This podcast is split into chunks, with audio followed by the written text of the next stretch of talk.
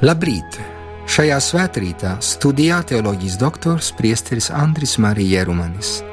Ieklausīsimies svēto rakstu vārdos, ko uzrakstījis Svētais Lukas 19. nodaļā. Tajā laikā, iegājis Jerikā, Jēzus gāja tai cauri, un lūk, tur bija kāds cilvēks vārdā Zahējs, muitnieku priekšnieks un bagāts vīrs. Viņš gribēja redzēt Jēzu. Kas viņš ir? Bet aiz ļaužu pulka nevarēja, jo bija maza auguma. Un aizskrējis uz priekšu, tas uzkāpa sikomoras kokā, lai varētu viņu saskatīt, jo tur viņam vajadzēja iet garām. Jēzus tajā vietā nonācis un paskatījies uz augšu, viņam sacīja: Zahei, kāp steigšu zemē, jo šodien man jāapstājās tavā namā un tas steidzīgi nokāpa zemē un ar prieku viņu uzņēma. Bet to redzot, visi kurnēja sacīdami: Viņš ir iegriezies pie grēcinieka. Bet Zahējs piecēlies sacīja kungam: Redzi, kungs, pusi savas mantas es atdodu nabagiem, un ja kādu esmu apkrāpis, tam atdošu četrkārtīgi. Bet Jēzus viņam sacīja: Šodien šim namam ir nākusi pestīšana, tādēļ, ka arī viņš ir Abrāma dēls.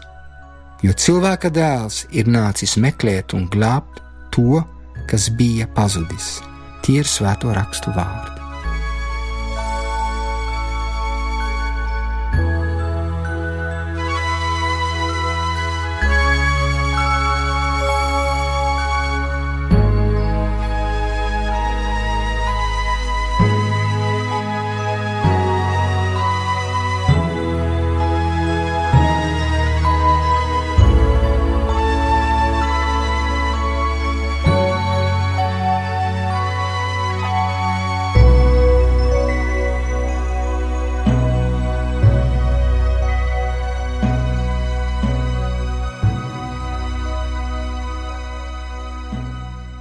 Zahējs ir meklētājs.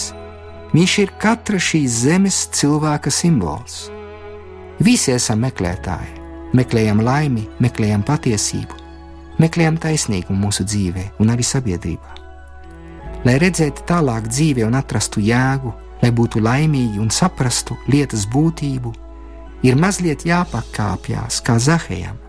Mēs lasām evanģēlijā, ka viņš meklēja redzēt Jēzu kas viņš ir, un nevarēja ļaužu dēļ, jo bija mazs augumā.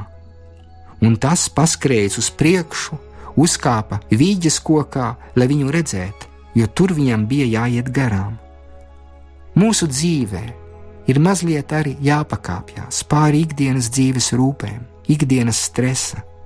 Ir arī jāiemācās skatīties no cita redzes punkta, lai saprastu mūsu dzīvi un redzēt dzīves jēgu.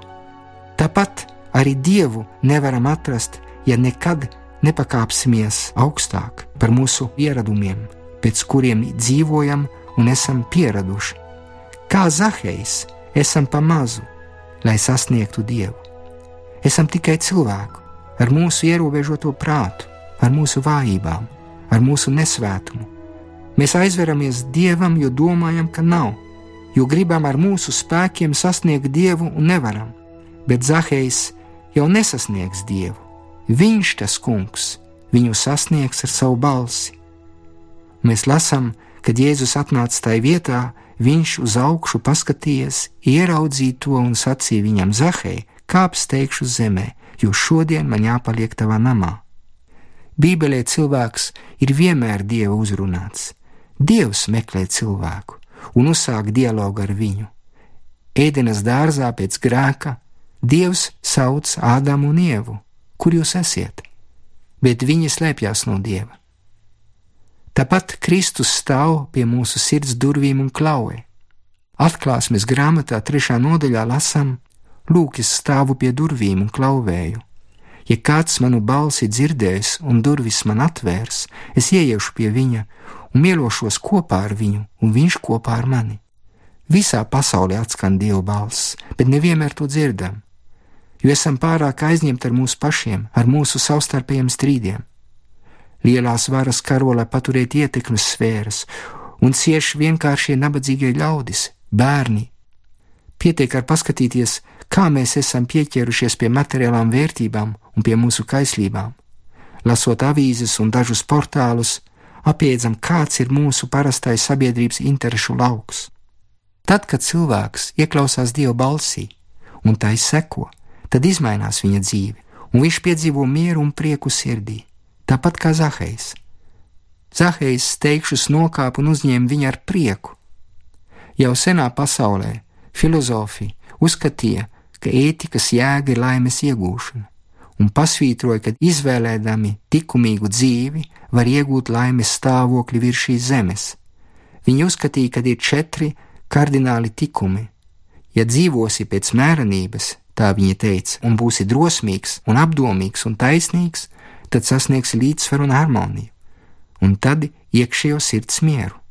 Bet kristieši vienmēr ir pasvītrojuši, ka likumīgā dzīve sagatavo ceļu, un tas ir tikai pirmais posms, lai pieņemtu laimi, ko Dievs dod. Laime ir dāvana, ko Dievs dod, tā ir žēlastība bet tā ir jāvēlās. Dievs ir radījis cilvēku brīvu. Mums ir jāgrib viņu satikt un jāizvēlās pareizo ceļu, lai atvērtos Dieva darbībai mūsu dzīvē. Zahējs piedzīvo prieku, ko bagātība viņam nevarēja dot. Tad, kad apņēmās uzkāpt kokā, lai redzētu Kristu, izmainījās viņa dzīve. Viņš piedzīvo pārdabisku laimi. Šodien bieži vien meklējam laimi ārpus Dieva, un garīgām vērtībām, un nomaldamies un izvēlamies daudzus ceļus bez izējām. Pietiktu ieklausīties saņemtā ticības gudrībā, lai saprastu pareizo virzienu un sasniegtu ar Dieva palīdzību izvēlēto mērķi mūsu dzīvē. Nevienmēr visi saprot Dieva žēlastības loģiku un nepieņem parādīto ceļu, žēlsirdības ceļu. Jau Kristus laikā lasām, kāda bija tautas reakcija To redzot, visi kurnēja sacīdām, ka viņš ir apmeties pie grēcīgā cilvēka. Vispirms jāsaka, ka mums ir tendence bieži vien identificēt grēcinieku ar savu grēku, un viņu norakstam uz mūžību. Kristus parādītais žēlsirdības ceļš ir pretējs mūsu parastam ceļam. Viņš netaisno grēku, nerelativizē ļaunumu, bet vēlās, lai grēcinieks tiktu glābts. Īstenībā svētie raksti ir vislielākā cerības grāmata, kas cilvēku iedrošina iet tālāk savā dzīvē, pretī mūžīgai svētlaimē, kas palīdz piecelties pēc krišanas un nekrist izmisumā, jo atskan žēlsirdīgas taisnības vārdi, kas negrib cilvēka nāvi, bet lai viņš atgrieztos. Dieva vārds ir žēlsirdība. Tā ir nosaukta pāvesta Franciska jaunākā grāmata, kas nesen ir iztulkota arī latviešu. Tajā Francisks ļoti skaidri izceļ žēlsirdības centrālo vietu svētos rakstos un to piepildījumu Kristus atklāsmē. Tāpat arī pasludinot žēlsirdības gadu 2015. gada novembrī, viņš rakstīja: Mums vajag vienmēr kontemplēt žēlsirdības noslēpumu. Tas ir prieka, rāmuma un miera avots. Tas ir mūsu pestīšanas nosacījums. Žēlsirdība ir vārds, kas atklāja visvētās trīsvienības noslēpumu Žēlsirdība ir pēdējā un augstākā darbība, ar kuru Dievs nāk mums pretīm. Žēlsirdība ir pamatlikums, kas mājo katras personas sirdī, kura ar godīgu skatienu uzlūko ikvienu brāli, ko satiek savas dzīves ceļā. Žēlsirdība ir ceļš, kas vieno dievu un cilvēku, jo atver sirdi cerībai vienmēr tikt mīlētam, neraugoties uz mūsu grēka robežām. Notikums ar Zaheju mums parāda šodien, ka cilvēks, kas satiek patiešām Dievu un piedzīvo viņa žēlsirdību, pats kļūst žēlsirdīgs pret citiem un tātad taisnīgs. Zahejs mēģina izlabot izdarīto ļaunumu un kļūst žēlsirdīgs pret nabagiem un izlabo savu izdarīto ļaunumu. Lūk, kungs! Pusi no savas mantas es atdodu nabagiem, un es atdošu četrkārtīgi, ja es kādam to būtu nokrāpis. Kad patiešām satiekam Dieva žēlsirdību mūsu dzīvē, tad arī sirds dziļumos jūtam nepieciešamību būt žēlsirdīgiem pret citiem. Zaheju bija samaitājusi naudas kāra, mankārība. Zaheja atgriešanās var kļūt kā paradigma, pēc kuras vadīties mūsu dienas pasaulē, kuras galvenais dzinējs spēks ir nopelnīt vairāk un pavairot kapitālu. Ja dzīšanās pēc bagātības un pēc varas nekalpo kopīgam labumam, sabiedrībai, nav izmantota, lai kalpotu trūcīgajiem, vadoties pēc taisnīgo principa un pēc mīlestības, tad pārāk bieži tiek izmantoti egoistiski un kļūst par korupcijas un nāves instrumentiem. Ir vērts apstāties pie pāvesta Franciska teiktajiem vārdiem par korupciju. Tie ir pārsteidzoši aktuāli un precīzi apraksta korupcijas mehānismu un tās konsekvences. Cik daudz ir tās korupcijas pasaulē, iesaucās Pāvests Francisks, uzrunājot sabiedrības pārstāvus slavenā Itālijas pilsētā Neapolī, kur valda mafija, kas veicina korupcijas attīstību. Korupcija ir sastopama visur, saka pāvests - politikā, visās institūcijās, arī diemžēl dažreiz arī garīgās institūcijās. Korupcija ieiet viegli sirdī. Tas ir kā cukurs, saka Francisks, kas ir salds, kas patīk, kas ir viegli uzņemams, bet pēc tam par to ir jāmaksā ar cukurslimību. Tā pāvests Francisks izteicās tēlainā veidā, par korupcijas ļaunumu un vieglumu. Viņš izsakās vēl par krāpniecīguma loģiku. Ieklausīsimies, lai pārdomātu par mūsu pašu dzīves negodīgumiem.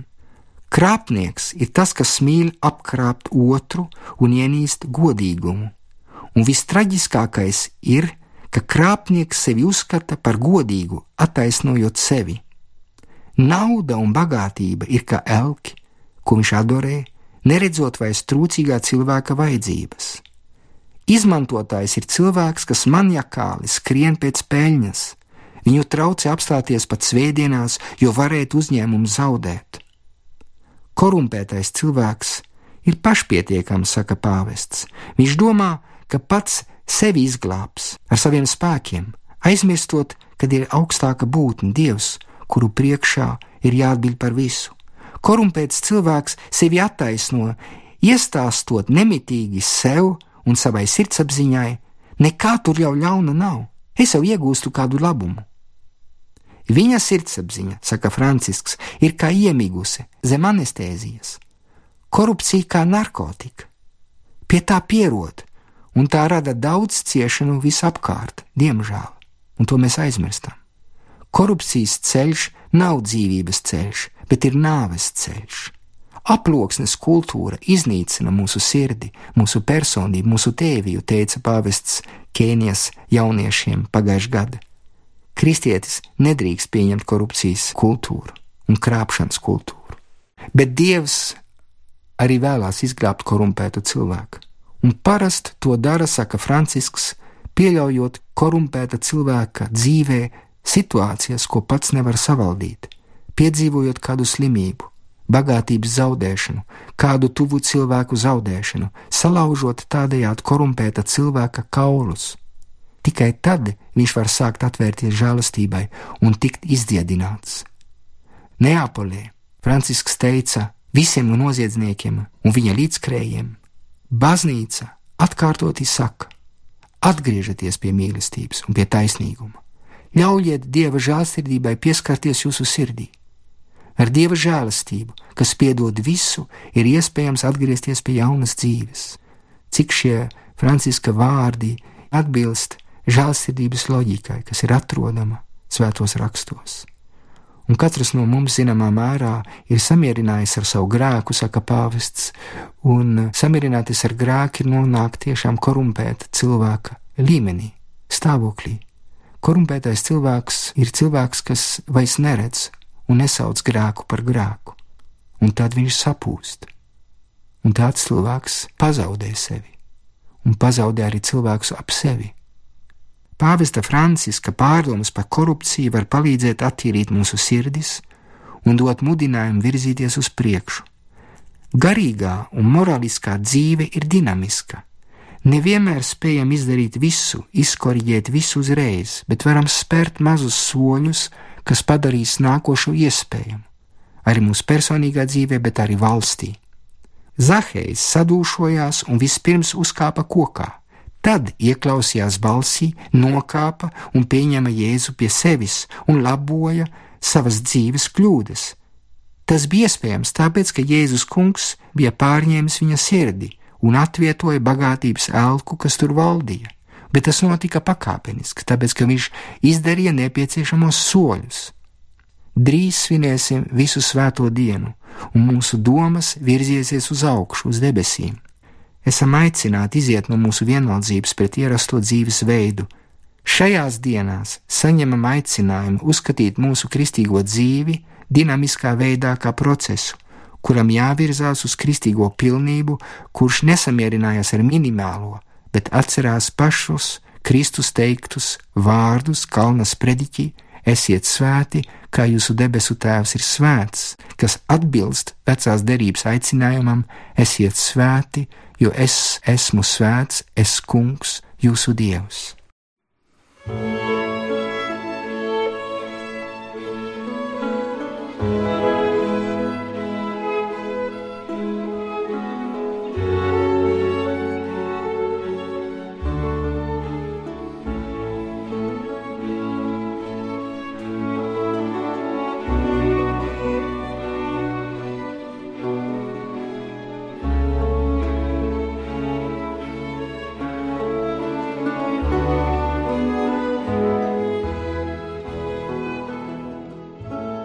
Apgaismo mani Dievs ar iekšējās gaismas spožumu.